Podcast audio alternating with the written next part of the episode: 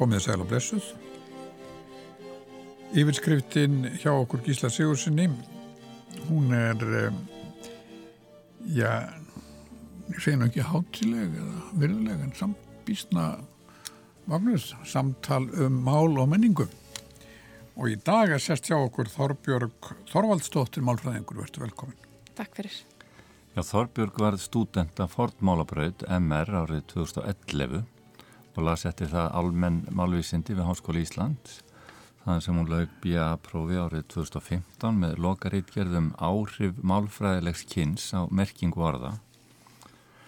Og hérðan lág leiðin í málvísindanámi í Leiden í Hollandi þar sem Þorbjörg skrifaði meistariritgerð árið 2017 þar sem hún held áfram með rannsóknar á því hvernig kynja hugmyndir okkar byrtast í tungumálinu og að þessu sinni því hvernig hvers konar beigingar samræmi eða ósamræmi kemur fram í sambeigingu þegar nafnorð af ólíku kyni eða tölu standa saman í setningum og kalla á að sagnorð, lýsingur orð og fornöfn lægi sig að þeim orðum sem þau beigjast með að vísa til. Og rannsóknir á þessum atriðum á mál tilfinningu fólks varpa oft ljósi á undirlíkjandi og oft ómeðvitaðar kynjahugmyndir þess og þar með samfélagsins sem er þá viðhaldið með tungumálunum.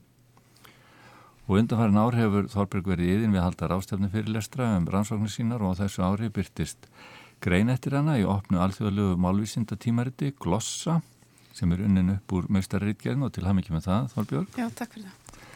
Og undanfærin tvö ár hefur hún verið stundakennari við Háskóli Íslands og starfa sem dottorsnemi og rannsóknarmadur við öndvegisverkefni Rannís, greininga og málfræðilegum afleiðingum stafræns málsambílis undir fórustu Sigriða Sigurjónsdóttur og Eiríks Rökkvaldssonar.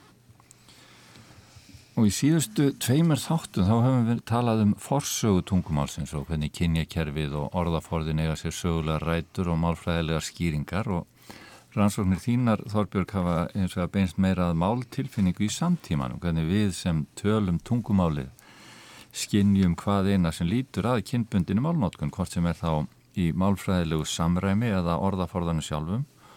Og þá hvaða veganesti það gefur okkur í yfirstandandi hugarfarsbreytingu þá réttlætis og jafnréttis sem við erum vonandi öll sammála saminuð þjóðanum um að sé eftirsóknarvert heimsmarkmið þótt að skjóta alltaf einhverju ljónshausar upp kollinum á þeim torfæra vegi sem liggur til hins réttláta þjóðfélags. Og þú vilt kannski byrja á því, Þorbjörg, að segja okkur frá því hvernig þú hugsaður um og hefur rannsakað málfræðilegt kyn og orðaforðan um einstaklinga. Já, eins og segir þá þá hef ég undafarið aðalega einbitt mér að samræmi og, hvernig það byrtist og, og það er miklu breytilegra heldur en fólk oft ger sig grein fyrir. Og það sem að ég hef séð í mínum rannsóknum er það að það skiptir alveg verilegu máli eh, hvað, hvað orðin þýða, eh, hvers, hvers konar samræmi og hvers konar breytilegi samræmi byrtist með eh, orðunum, með nafnorðunum og ég hef undarfarið unnið með svona, hér svo kallega lifunar stigveldi eða það sem heitir á ennsku animacy hierarchy. Og þetta stigveldi er, er mjög sniðugt og, og gott að nota í svona rannsóknir vegna þess að það er gert ráð fyrir því til dæmis að samræmi geti byrst með mismunandi hætti eftir því hvort að talaður um e, lifandi að dauða hluti en svo líka að það getur verið mismunandi eftir hvort talað er um fólk eða dýr eða hluti og svo kannski óhlutstað hugtök. Þannig að, já, ég hef svona unnið út frá, út, út frá þessum, þessum hugmyndum. Og þá líka eftir því hvort talað er um kallaða konu. Það er eitthvað, það stigur veldi í því? Uh, já, sko, það, það reyndar er kall og kona eða hérna, það væri þá sama, sama staði í stigveldinu en, en vissulega er það, eh, það svo leiðis að, eh, að merking, sagt, þar skiptir lífræðilegt kyn eða félagslegt kyn máli á þeim hluta stegveldi sinns e, og, og svo alveg efst á stegveldin eru þá einstaklingar eða bara sagt, nöfn fólks. Þannig að þannig að jú, vissulega byrti samræmið mismunandi þá eftir, eftir, eftir kynni fólks þannig eftir stegveldinu Og, og svo erum við með þessi fornöfn líka sem að þú talar um, um félagslegt kyn. að það er umræða um þau að þetta er ekki allt sem sínist í, í fornafnunum. Nei, og fornöfnun eru ansi sérstök vegna þess að þau eru miklu líkleri heldur en önnur það sem ég kalla samræmismörk til þess að taka svona merkingalegt samræmi. Það er að segja að hægt er að vísa einhvern veginn frekar í merkinguna heldur en kannski í undanfarandi orð. Það að segja ég get sagt uh, hvar eru krakkarnir? Þau fóru út á þann eða eitthvað svo leiðis. Mm. Og þá er ég ekki að vísa í orðið sjálft á undan heldur það sem það táknar. Og með því að nota þau, þá er þetta gefið til kynna að þarna sé um blandan hópa ræða. Þannig að fornöfnir eru sérstökka þessu leiti og þau eru þannig líka í bara reynlega þegar kynjakerfi breytast og þróast þá gerast breytingarnar fyrst í fornöfna samræmi. Þannig að það er ekki, já. Þú meina þegar kynjakerfi er að þróast í tungumálum og já, svona almen, almennt, út og... Já. Að eins og til dæmis þegar e, þegar enska tapaði sínu hérna e, sínu kerfi að þá, þá byrtist breytileikin sem þar bjóða baki þar að segja að, að í raun og veru allir dauðir hlutur fengu kynið kórukinn eða þannig séð sko mm. eftir stendur e, stendur kalkin og kvenkin þegar vísað er í fólk en e, að þá gerðist það fyrst sagt, í fornafna samræmi að, að farið var að nota ytt til þess að vísa í e, í allt sem að, sem að var döft. Já, og svo hefur við verið að horfa líka í þessi kynlausu ja, starfseiti, hvernig þau orka á fólk. Já, akkurat. Vegna þess að í raun og veru þá e, þá höfu við þessi, þau orð sem að vísa í einstaklinga. Það geta verið þessi fornöfn, þessi vísandi fornöfn. Síðan eru það mannanöfn. E, og síðan orð sem að, sem að tákna beint e, mannesku af ákveðinu kyni eins og bara kona og bróðir eða e, sýstir, kall, eitthvað svo leiðis og síðan höfum við þessi svo kallu kynhlutlusu starfsæti eins og nefnir. Og þau eru langflest í kallkyni og þannig að það er kannski ekkert óeðlilegt að þessi kynhlutlausu kallkyrsorð svona valda okkur vandraðum þegar langflest orð sem að vísa til einstaklinga þau sem við kannski notum helst uh, hafa með merkinguna eða þess að merkingulegt kyn að gera.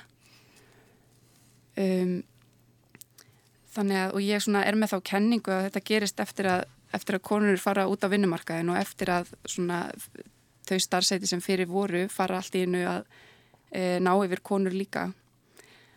Að þá trubli þetta kallkin okkur alltaf meira og oftar. Og til dæmis við segjum kannski við ætlum að tala um læknin okkar og segja ég læknir er minn og svo finn ég mig knúna til þess að segja sem er kona eða skjóta svona inn, við erum alltaf að merkja í raun og veru uh, konur sérstaklega í samtölum þegar, þegar starfsheitið á ekki við En, en venst þetta? Er þetta verða menn, venjast menn þessu og hætta að þurfa að skjóta sinn skýringu? Já, ég geti nú alveg trúa því að einhverju leiti og það er það sem er svo flóki við að þegar, þegar maður vil rannsaka nákvæmlega hvernig, hvernig merkingalegt kyn og, og, og, og eins og til dæmis þessi orðaforði funkara saman. E, að staðalmyndir um hlutverk kynjana eru líka alveg rosalega sterkar. Mm. til dæmis eins og hjógrunafræðingur ég er ekki vissum að fólk myndi endilega skjóta einn sem er kona þar. Er ekki frekar að tala um kall hjógrunafræðing? Jú, akkurat, það er einmitt. Eða hérna eða orðin svo hetja sem að, sem að fær oft kvennhetja þegar talar um, talar um konur. Já, þótt að þessi kvennkynsorð þannig að þessi þessi tengsl málfræliskynns og merkingatúlkunar þar að hvort að það hafi í alvörin áhrif á tólkunna hvers kynns orð, orðsins er það er, eh, er mjög snúið Já, við mann eftir því að, að því að þú vísir í þetta að það hafi verið áhersla í málpolítikinni á að ja, málfræðilegt kyn ætti að ráða þegar kemur að fornafni þó að síðan séu fólk værið að vikja út af því en það er mjög gömul dæmi í virðulegum textum það sem skaldið hann Já. kemur fyrir því að það er alveg sjálfsagt mál að skaldið lítur að vera hann. Já, og reyndar er, Orikinn orðsins. Já, og það er til tekstar það sem að svona eh, leiðbenningar um málnótkun frá 19. öld, ef mann rétt þar sem að talað er um að, að orð eins og skáld, að þar megi nota, nota fornafn sem ekki, eh, sem ekki passar við innan gesalappa. Þar sé að nota hún eða hann og ég Já. held að í því, því tilviki hafi, hafi hún verið notað. Þannig að um, þannig að það að nota fornefn svona vísandi eða og svona merkingalega er, er ekkert nýtt. Nei, það er ekki það það er eiginlega spurning um hvað sé viðurkent í því. Já, Og akkurat. Hvernig, hvernig maður menn beita í að valdi mállörglunar, ef við megum Já, nota hana, í, í þessu efni og því að eh, eins og segir það er nóga dæmum í öllum mögulegum málum en kyn usla já, í þessu, þessu efni. En þetta með það sem ég nefndi með, með að venjast þessu, ég man eftir fyrir nokkrum árum þá vafðist fyrir mörgum sko starfsveiti ráðherra. Mann fannst að vera svo, það væri svo augljóst að það væri kallkinsbundið já, en, en svo, en nú er mann hættir á- áhyggjur. Þetta Já, bara þetta- gengur auðvitað. einmitt, þetta venst og, og ég held nú að fái láti sér þetta í hug, ég man eftir einni grein þar sem að tala var um Jóhannu Sigurðardóttur eh, en það var alltaf, alltaf tala um fósætisráðara og svo hann, hann, hann í gegnum allan textan og ég held að fólk gerir þetta ekki lengur. Það er að segja að, að nota að láta málfræðilegt samræmi eh, hérna eða sérst að láta málfræðina stýra samræmi gegnum heilan texta þar sem talað er um konu Það er kannski venst líka vegna þess að herra er hægt að vera titill yfirleitt á köllum, það er enginn sem talar um herra já. þetta og herra hitt. Þannig að þetta er bara orðið bundið við bara starfseti. En ljósmóður er nú sannlega erfiðasta, Já, allir við þyrstum erfiðasta starfsveiti. Já, ymmit, kall, ljósmóðir Jú, kannski gengur það Sem orð, já, já, það er... en, en þetta er svona, þú veist, þannig að ég held að af því að auðvitað konur voru ekkert út á, út á vinnumarkaði eða voru, þú veist, gengdu og þau starfseiti sem að einmitt voru til staða kannski eins og ljósmóður eða yfirsötukona eða hjúkurnakona, kjænslukona eða, eða eitthvað slíkt mm. þau, star, þau starf sem að konur gengdu þá, þá var yfirleitt kynjað eh, kynjað heiti yfir það, húsfrega til dæmis Já, já, Em, þetta er, þannig að- þannig að þetta er liggur í eins og við hefum komið inn á hérna í þáttunum áður að, að þjóðfélagsgerðin skín í gegnum orðafarða. Já, hún gerir það. En, það er- en það sem við auðvitað líka höfum, svo er svo merkilegt líka vegna þess að þegar við reynum að finna kynhlutlist orð e, eins og vágerði til dæmis e, með því að taka út úr sínum orðaforða flugfrega og flugþjótt þá komu þau með orðið flugliði sem eru auðvitað kallkinsorð en, en var einhvern veginn fólk upplifið það kynhlutlusara heldur en flugfrega, flugfrega og flugþjótt og, og þetta auðvitað endur spekla það líka að kallkinn er e, hefur e, þetta hlutleysi í málunu hjá okkur. Og hérna nákvæmlega sko úr hvaða umhverfi þetta hlutleysi kemur sem að ég held að sé í raun og veru bara feðraveldis samfélag í árdaga. Mm. e, að þá er það, er það samt, samtrúleis að, að kallkynni er hlutlust kyn og það er um, en það er ekkert skrítið að þetta rekist á. Það er að segja merkingarlega kynið og, og svo þetta e, hlutlösa kyn innan, innan, innan kannski gæslappa ég held að þetta hafi áhrif á, e, á merkingatúlkun fólks. Og það var svona það sem ég hafði áhuga á að skoða þegar ég var e, í bíanámi og en áttaði mig á því að ég gæti, gæti raun og verið ekki skoða starfsæti vegna þess að þar væri þessi félagslið þáttur svo allt og allt og sterkur þannig að ég hérna reyndi að, að skoða merking orða út frá kynniðra og í raun og veru merkingaflokkun orða það sem að ég gerði svona tilraun það sem að fólk þurfti að flokka orða eftir merkingu án þess í raun og veru að vita eftir hverju ég var að leita mm. um, og til þess aðtöða hvort að fólk flokkaði orð ómeðvitað sem merkingarlega líkari eftir málfræðilegu kynniðra og í þessari rannsókn þá hafði ég aðeins dýraheiti og hlutaheiti með vegna þess að til þess að komast hjá þessum félagslegu áhrifum.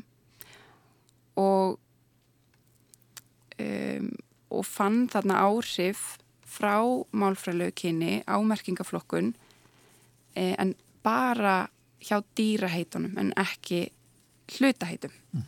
og þetta var í takt við, ég var í raun og veru að endur gera rannsókn um, frá hérna uh, Viljokko etal uh, 99 ef ég mann rétt, nú vona ég sé ekki að fara með rántmál þar. Uh, sem hafi verið gerð fyrir ítalsku þar sem sambarlega niðurstöður komið fram. E, sambarlega niðurstöður fundist ekki fyrir þýsku. En hérna og ég, mér fannst þetta náttúrulega algjörlega stórkostlega niðurstöð að hugsa, vá hérna, þú veist, þessar þessi áhrif virast vera þarna til staðar þau eru lítil en þau voru til staðar og e, og komaði mitt bara fram með dýraheitum.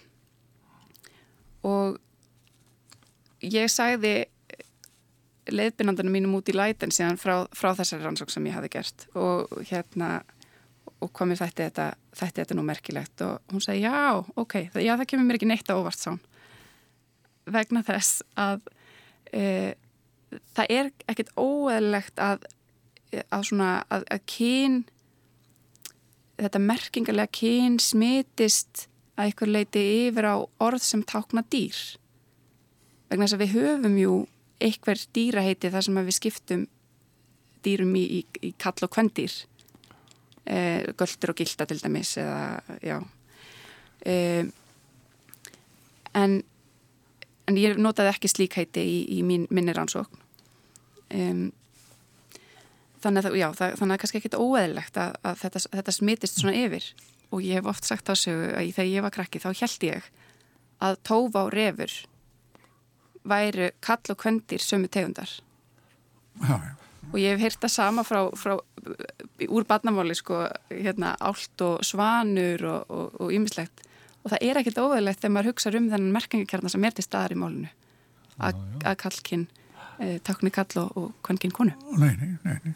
En, en svo er þetta, þú veit að um þetta útiloka hann að félagslegu áhrifin en er það kannski ekki eitthvað bara sem við verðum að taka með í reikningin að félagslega áhrif eru raunverulega alveg eins og ímyndunin er raunverulega Jú, ég held að alveg uh, algjörlega við þurfum að, þurfum að taka það með í reikningin algjörlega, en það sem ég náttúrulega var að reyna var að sjá sko hvort að þessi málfræðilega formdelt sjálf hefði þarna einhver áhrif og reyna að einangra það.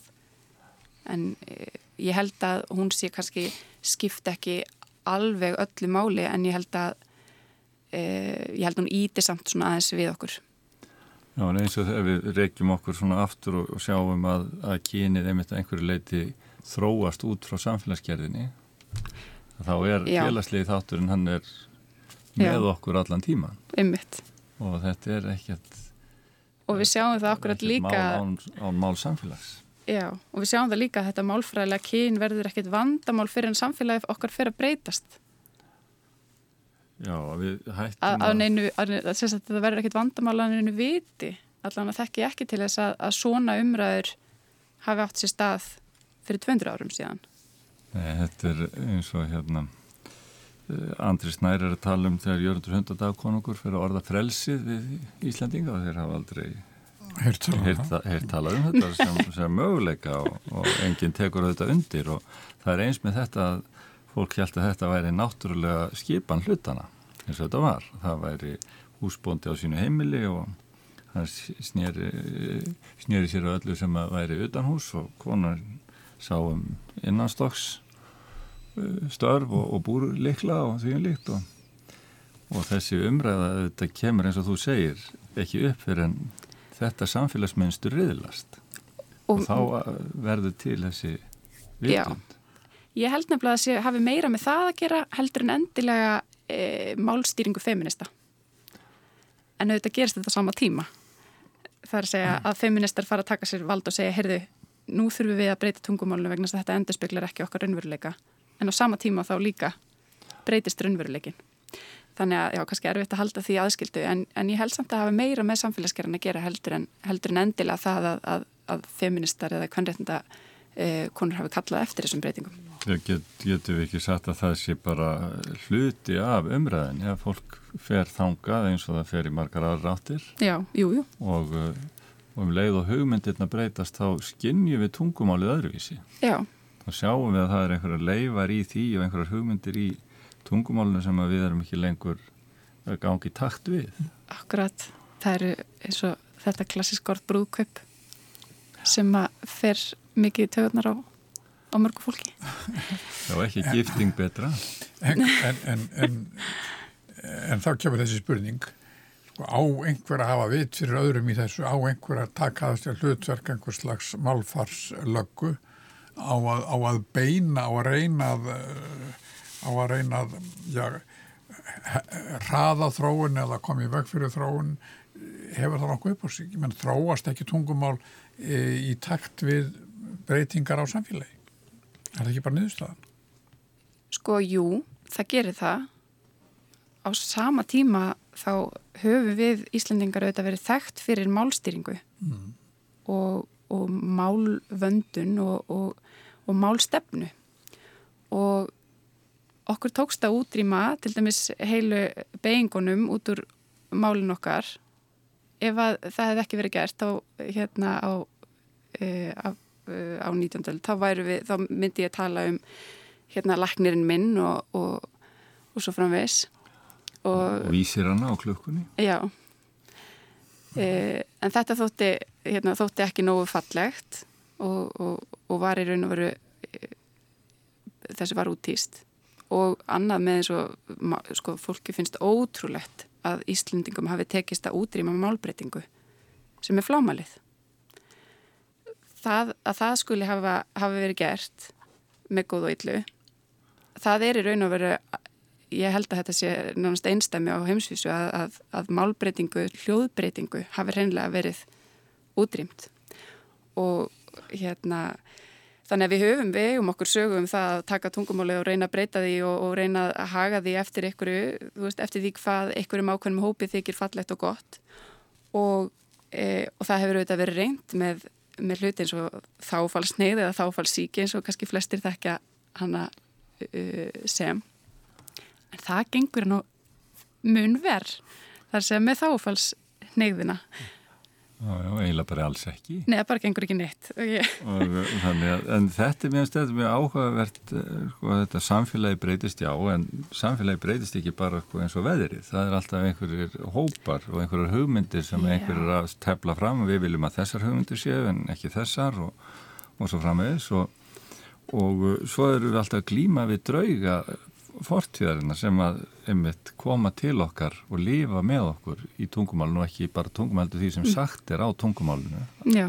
hvernig við orðum alla hluti og, og alla sögurnar að teka ofta með þjóðsjónum verða að segja þessi mjög gott að lesa þær fyrir börn og, en í raunin eru þær með all gömlu ekki góði gildi, gömlu gildin um kynhlutverk og þjóðfélagstöðu og vald og undirgefni og mm. eru beinlinis sko sagðar til þess að innrétta heilabúið á fólki með gömlu hugmyndunum. Já. Og þess vegna getum við ekki haldið áfram að segja þessar sögur eins og ekkert sé eða lesa þær fyrir börn og halda síðan að þau komi út innréttuð samkvæmt þessum markmiðu saminuðu þjóðana um, um breyta tíma. Nei, einmitt. En þetta er, já, en kannski, ég, já, ég held, það, það er alltaf ykkur málpolítik e, til staðar. Að minnstakosti hefur það verið á Íslandi síðastlegin, ég veit ekki hvað mörg hundur ár. En hérna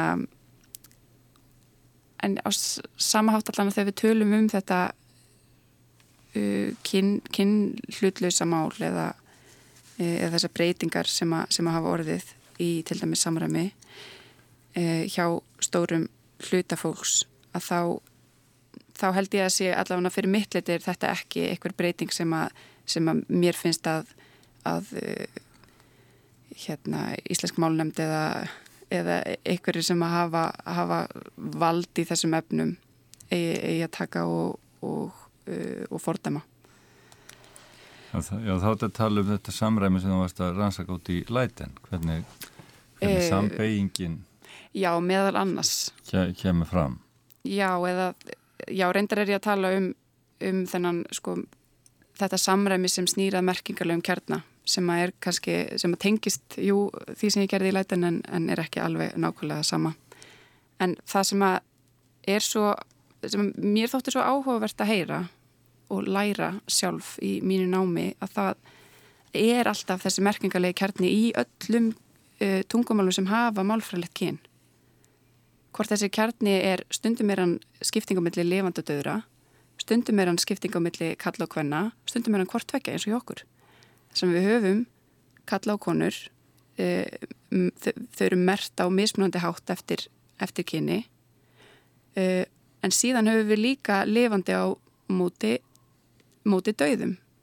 Og það sjáum við til dæmis í þessu hlutlösu kallkinni uh, ef ég segi ég borðaði engan í gær þá er augljóst að þar átti ég á ég við hérna mannesku en ef ég segi ég borðaði ekkert í gær með kórukinni að þá þá er það ekki, ekki lifandi vera sem ég er að tala um. Þannig að við sjáum þarna ákveðna skiptingu uh, í, um, uh, í, í kynjanótkunni og um, þannig að í íslensku þá höfum við þennan kjarnan. Við höfum kjarnan uh, kallar, kallkinn, konur, kvennkinn og svo, svo höfum við líka lifandi kallkinn það er annar kjarni.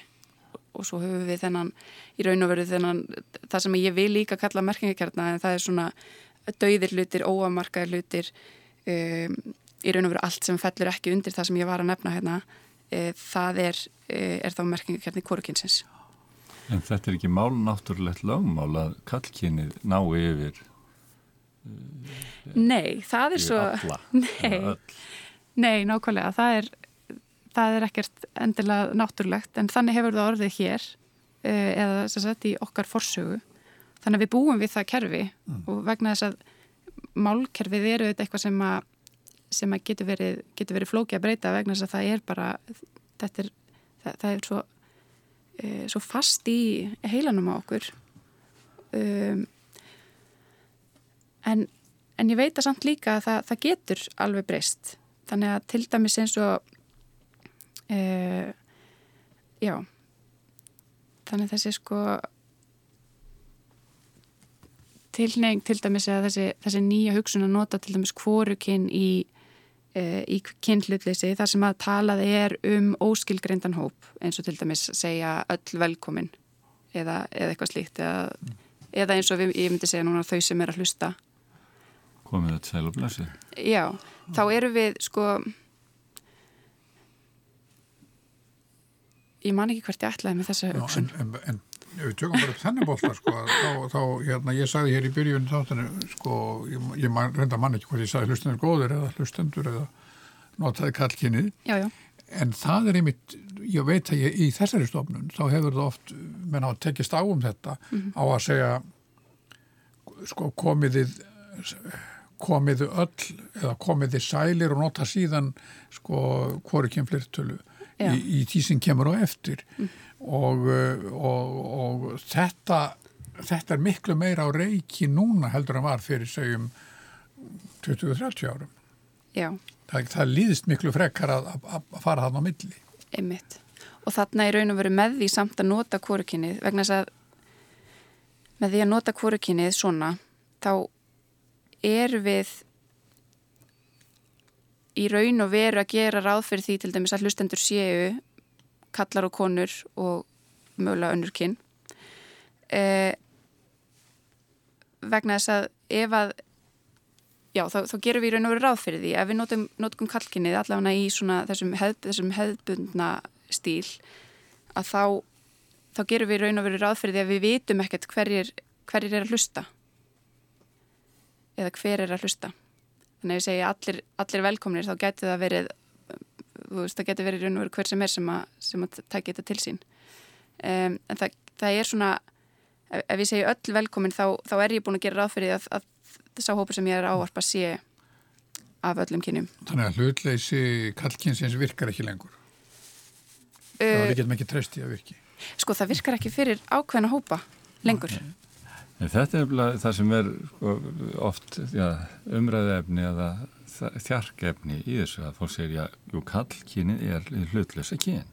Þannig er það, þannig er búið að vera árdaga hérna indoeurósku fortungu og mm. það er ekki okkar að, að breyta því. Þetta er, þetta er bara svona og þið verða sætt ykkur við það. Og svo kemur einmitt upp umræða um, já, mér finnst þetta útilokandi, mér finnst þetta útilokandi. Og þá segir málkerfið eða, eða talsmenn málkerfið nei þér finnst þetta ekki útilokandi. En, en þetta er ekki, ekki þetta er ekki alveg nógu góð umræða.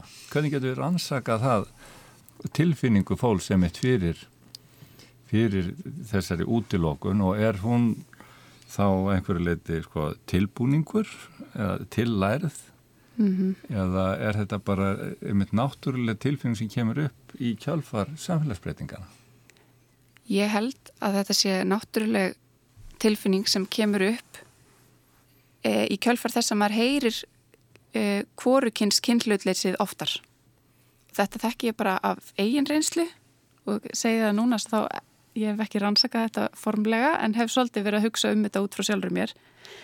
E, fyrir ekki nema tveimur árum þá talaði ég alltaf í hlutleysu kalkinni. Ég hef alltaf sagt þeir sem er að hlusta og fannst það algjörlega kynntlutust og, og, og eðlögt mm. uh, en síðan hefur þetta brist hjá mér og ég finn það núna að þegar fólk notar kynntlutust kallkinn að þá líður mér eins og ég sé ekki ávörpuð og þannig að ég held sko að í raun og veru Hvað gerðist fyrir tömur ára? Ég, ég fór hérna var meira meira inn í starfi samtakan 78 til dæmis uh, ég flutti aftur heim frá, uh, frá Hollandi var, já, bara meira í, í kringum fólk sem að notar svona kynnlutlust mál aktíft. Búin að rannsaka kyn og Já, fyrir utan það, þannig kannski eiginlega ekki. Og kemur svo aftur í þetta málsamfélag. Já, og svo kannski ekki hægt að, að marka mig, ég er, þetta, hérna, er alltaf að að rannsaka þetta svo mikið að maður missir alla tilfinningu fyrir, eh, fyrir samræmi stundum. Þú nefndir eh, kallkinn, kvenkinn og fleiri kinn. Já, já. Sko þá virkilega vandast á málið, ekki? Já, jú, það gerir það. það málið er... er ekki tilbúið fyrir það alveg? Eh, nei, eða jú, það er nú alveg svona allavega hálf tilbúið. Við erum komið með fornafn og ég segi það en það er ekki komið lengra. Nei, það er ekki komið mikið lengra en það. En það, jú, þetta er svona, þetta er í nótkun og alveg sérstaklega, þess, það sem við hefum auðvitað við núna er fornafnið hán sem er notað til þess að vísa í, í kynsein e, einstaklinga eða einstaklinga sem að telja sér korki kallnýja kona. Já. og eru það ekki. Og hvernig gengur ja, innleiðing að má kalla það? Hún gengur, hún gengur vel innan okkar samfélags og ég held að hún gangi vel uh, hjá þeim sem að þekka fólk sem að, sem að vil nota þetta fornafn. Mm. og hefur tækifæri til þess að æfa sig fyrir annað fólk sem að þarf ekki að nota þetta nema kannski einu svona ári, tvísar ári eða eitthvað slíkt. Þá er þetta, er, er þetta flókið. En, og, og líka, líka þetta eins og í ávörpum sem við erum svo vönnað séu ja, tvíki, getur verið tvíkinja eða þetta já, uh, kynsegin. eða, eða hérna hvori kyns. Já. Og þá er, þá er svo sem ekki vitum við ekki hvort að hán er með í því. Nei, nei, nei það spurning, það er ekki já. saga í tungumálunu fyrir því hvar, hvar það lendir. Þetta er auðvitað bara svona alveg algjör, algjör nýjung. En það sem að ég hef svona verið að reyna, reyna benda á það, ok, það er ógjörningur í raun og veru að slíta þessi tengsl sem að málfræðilegt kyn og lífræðilegt kyn hefur í tungumálunu eða, um, já. En á sama tíma þá hefur kalkinnið náttúrulega haft þetta hlutleysi slutverk um aldir haft kjarnan lifandi vera. Og þetta veldur náttúrulega valda því að við í samfélaginu þótt að margir málfræðingar vilji kannski alls ekki líta svo á og líta kannski á kerfið sem eitthvað sem er ekki e, sem er á engan, engan hátt tengdan, hvað ég segja daglega degi eða mm. raunveruleikanum eh, kallar eru aldrei mertir sérstaklega í málnu. Þeir falla innundir normið og meðan konur eru alltaf frávikið. Og þetta er bara staðrind sem er búið með einmitt út af þessu hlutleis hlutverki kalkinsins og, og líka svo vegna þess að eins og ég sagði á hann að hvorkinn flertilu er ekki algjörlega hlutleist heldur vísar alltaf í ákveðin hóp fólk sem að vitað er að, að er blandar hvað kynvarðar. Þannig að pressan er þá á fólk að, að skilgreina óskilgreindan hóp þannig að sé gert ráð fyrir öll kynsi í menginu og það hefur náttúrulega verið mikil umræð um þetta kynhlutleysi og það hefur myndast pressa á fólk að gera ráð fyrir blöndu um hópi þrátt fyrir að hópurinn sé stránt til tekið óskilgreindur eins og til dæmis í þessu dæmi með öllu velkomin og e, eða í staðin fyrir svona stopnanakallkin að nota þau í dómsmálráðunetinu eða e, í staðin fyrir þeir. E, eða þá svona með ókvæmum fornöfnum eins og segja sumir er hrifin að káli en ekki sumir. Um, mér finnst mér finnst þetta skemmtileg nálgun að nota kórukinni svona og, og, og er svona almennt hrifin af málfræðilegum kynusla. Eh, en það sem við þurfum að horfast í augu við er það að, að það að nota svona kynhlutlust mál eða svona kynhlutlust, kvorukins kynhlutlust mál um, það sendir ákveðin skilabóð um skoðanir viðkomandi. Vegna að þau sem að nota svona mál þau eru að senda þau skilabóð út í samfélagi eða öll kynsi og jafn mikilvæg og, uh, og, og það sé að, að við komum til að meðdagur um það að konur og, og kynsegi fólk eru, eru ósynlega í, í tungumálunni. Þannig að spurningin er þá hvort við séum að búa til e, gjá á milli fólks. Já, e, þetta er einhver leiti sama aðstæð meðan sjálfstæðisflokkunum var nú með stóran hlut af fylgi hér, þá var það ekki pólitíka við sjálfstæðisflokkunum.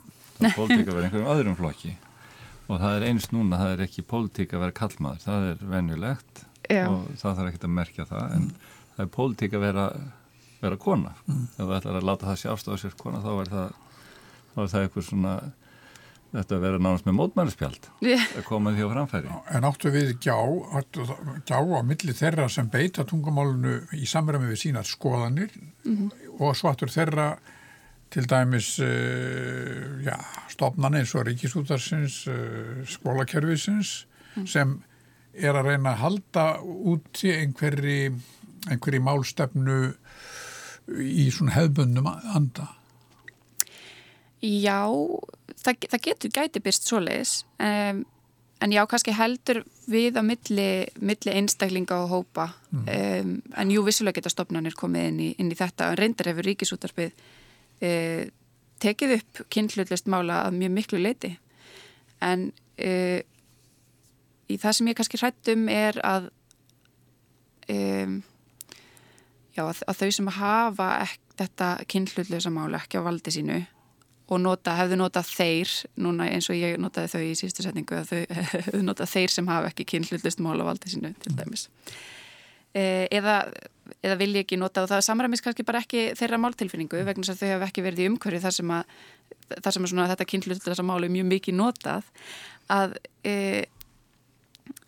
að þau, að þau verði einhvern veginn átomatist mert sem sko að, þau séu andfeminísk eða e, trúi þá ekki á þessar, þessar samfélagsbreytingar sem hafa vorðið eða, eða eitthvað skoleðis Já, eða, þú veist að þetta sé eitthvað merki um, um mitt íhaldsemi á, á öðrum sviðum.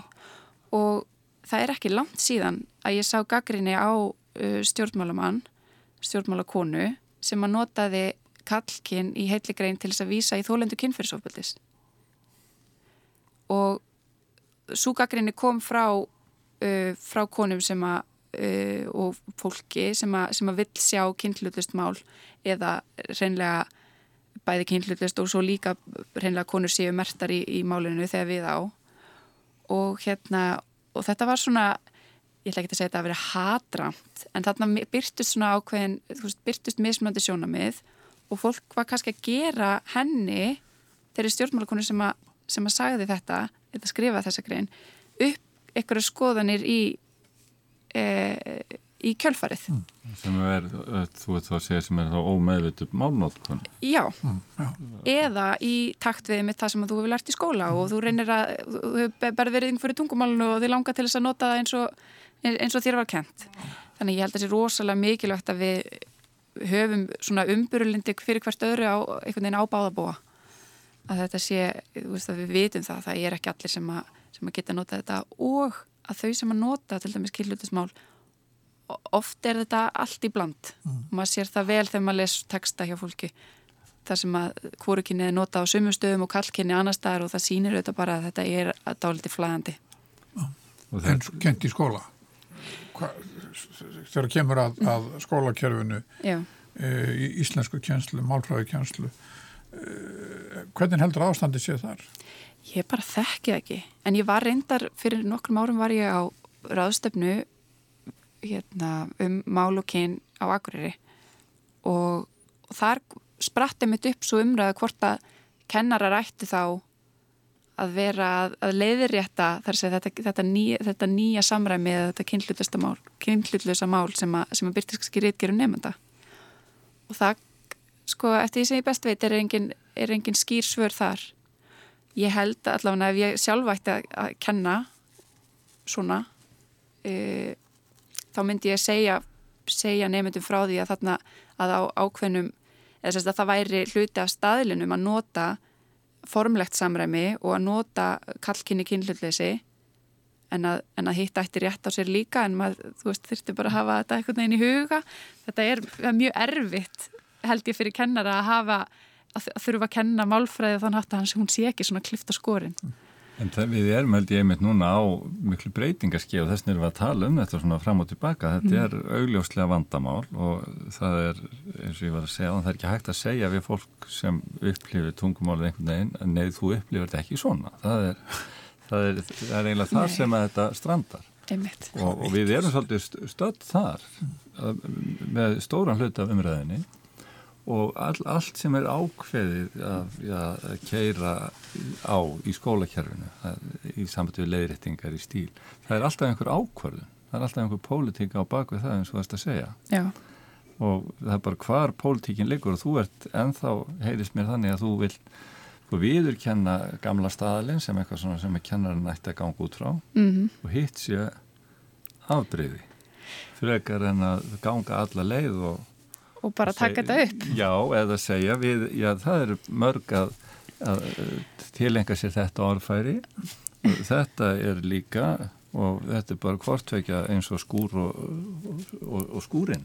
Já, svo er það einmitt. Það er svo spurning, allavega hana þurfti að vera svo leiðis að e, ef að fólk til dæmis er að skrifa texta, að, að fólk gæti þá í raun og veru samræmis innan textans að það sé e, að þú notir annarkvort þetta hlutlösa kallkinn og notir formlegt samrömi eða þá notir að mestuleiti e, hérna kvorukinnið og, og merkingalegt samrömi en þetta er bara, það, nei, æ, það er ekki hægt að segja þetta, þetta er svo miklu, miklu flokknar þetta. Það er líka hlut að málpolítíkina þurfa alltaf að vera samræmi. Sem einmitt vilja að sé usli í textan gera þetta að setja hvað til þess að vekja aðtekli á einmitt. Og það getur, það getur auðvitað verið stílbriði líka og, og, og getur vakið svona, já. Og við bregðum ekki komin á langt til þess að hægt er að leggja til, hægt er að leggja sko, til kostningabilin sem þetta. Nei, ég held ekki. Nei, er ekki Þetta er ennþá sko, hugmyndafræðilegur ágreiningur. Ég held að það sé alveg augljóst mál og fólk hefur ólíka tilfinn og það er þetta snýstum máltilfinninguna. Já. Og sömum finnst einmitt að það sé ekki verið að útiloka þau, að þetta er aðalega þær kannski. Og, og þá er ekki hægt að segja við þær heldur, jú, þér á að finnast það. Já. það er alveg það að þetta virkar í báðar áttir. En svo eins og með til dæmis starfsætin uh, eh, sko við búum við þann veruleika þau eru flest í kalkinni og þau eru og þau starfseti sem eru í kalkinni eru að fólku upplifir þau kannski frekar kynhlutlaus heldur en til dæmis starfseti sem eru í kvankinni mm. um, ég sé enga leið út úr þessu. Uh, aðra en mögulega þá að gera eins og, eins og þjóðverður hafa gert og bæta við ykkur viðskiti um, eins, og, eins og inn í, í, í þísku um, það er þá innja held ég hérna uh, sambarilegt hjá okkur sem kannski gengur ekki alveg upp. Uh, eða þá að taka upp taka upp kvorukins starfseti ég er ekki vissum að það myndi falli kramið. Við höfum nú gert það stundum hjá samtökunum 78 og auðvitað þetta fræðslu stýri og framkvæmda stýri Flý, Flýill og fliksa, það var nú líka orðið flugmáli sem ekki sló í gegn. flýill og Hva, hvað, þetta- er þetta flugmenn já. Þannig að þannig að þetta getur farið í ymsar áttir ef fólk verður að reyna að breyta, Já, breyta þessu, en, en það er einmitt, eh, þetta sýnir kannski eins og þú nefnir þýskadæmi, þetta sýnir að, að vegna þess hvað tungumálið er djúbrætt og í einmitt ákveðinu, ákveðinu samfélagsgerð, Mm. þá býður það ekki upp á nýja samfélagsgerð. Það er ekki hægt að tjá nýja samfélagsgerð í tungumálun nema með einhverjum svona afkárahætti eins og að setja alltaf einhverja endingu aftan á já, sem að eh, engum hugnast. já, það er já, já, svona er þetta.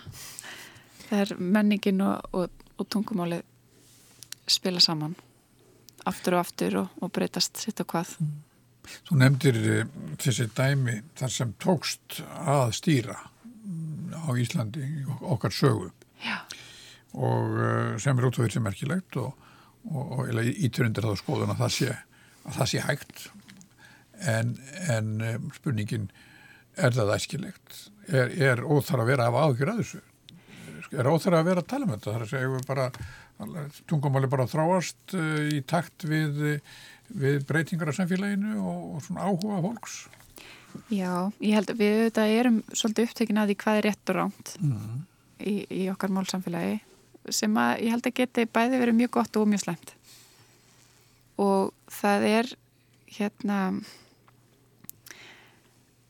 já, En, en líka hvað er fagurt? Ekki En svo er. Já, slá, sláandi að þessi hvern kendu starfsheiti eins og flugfreyja og hjúgrunarkona, Mhm. það er einmitt tóst að breyta þeim. Já, já en, en ekki þessum svona kallægari.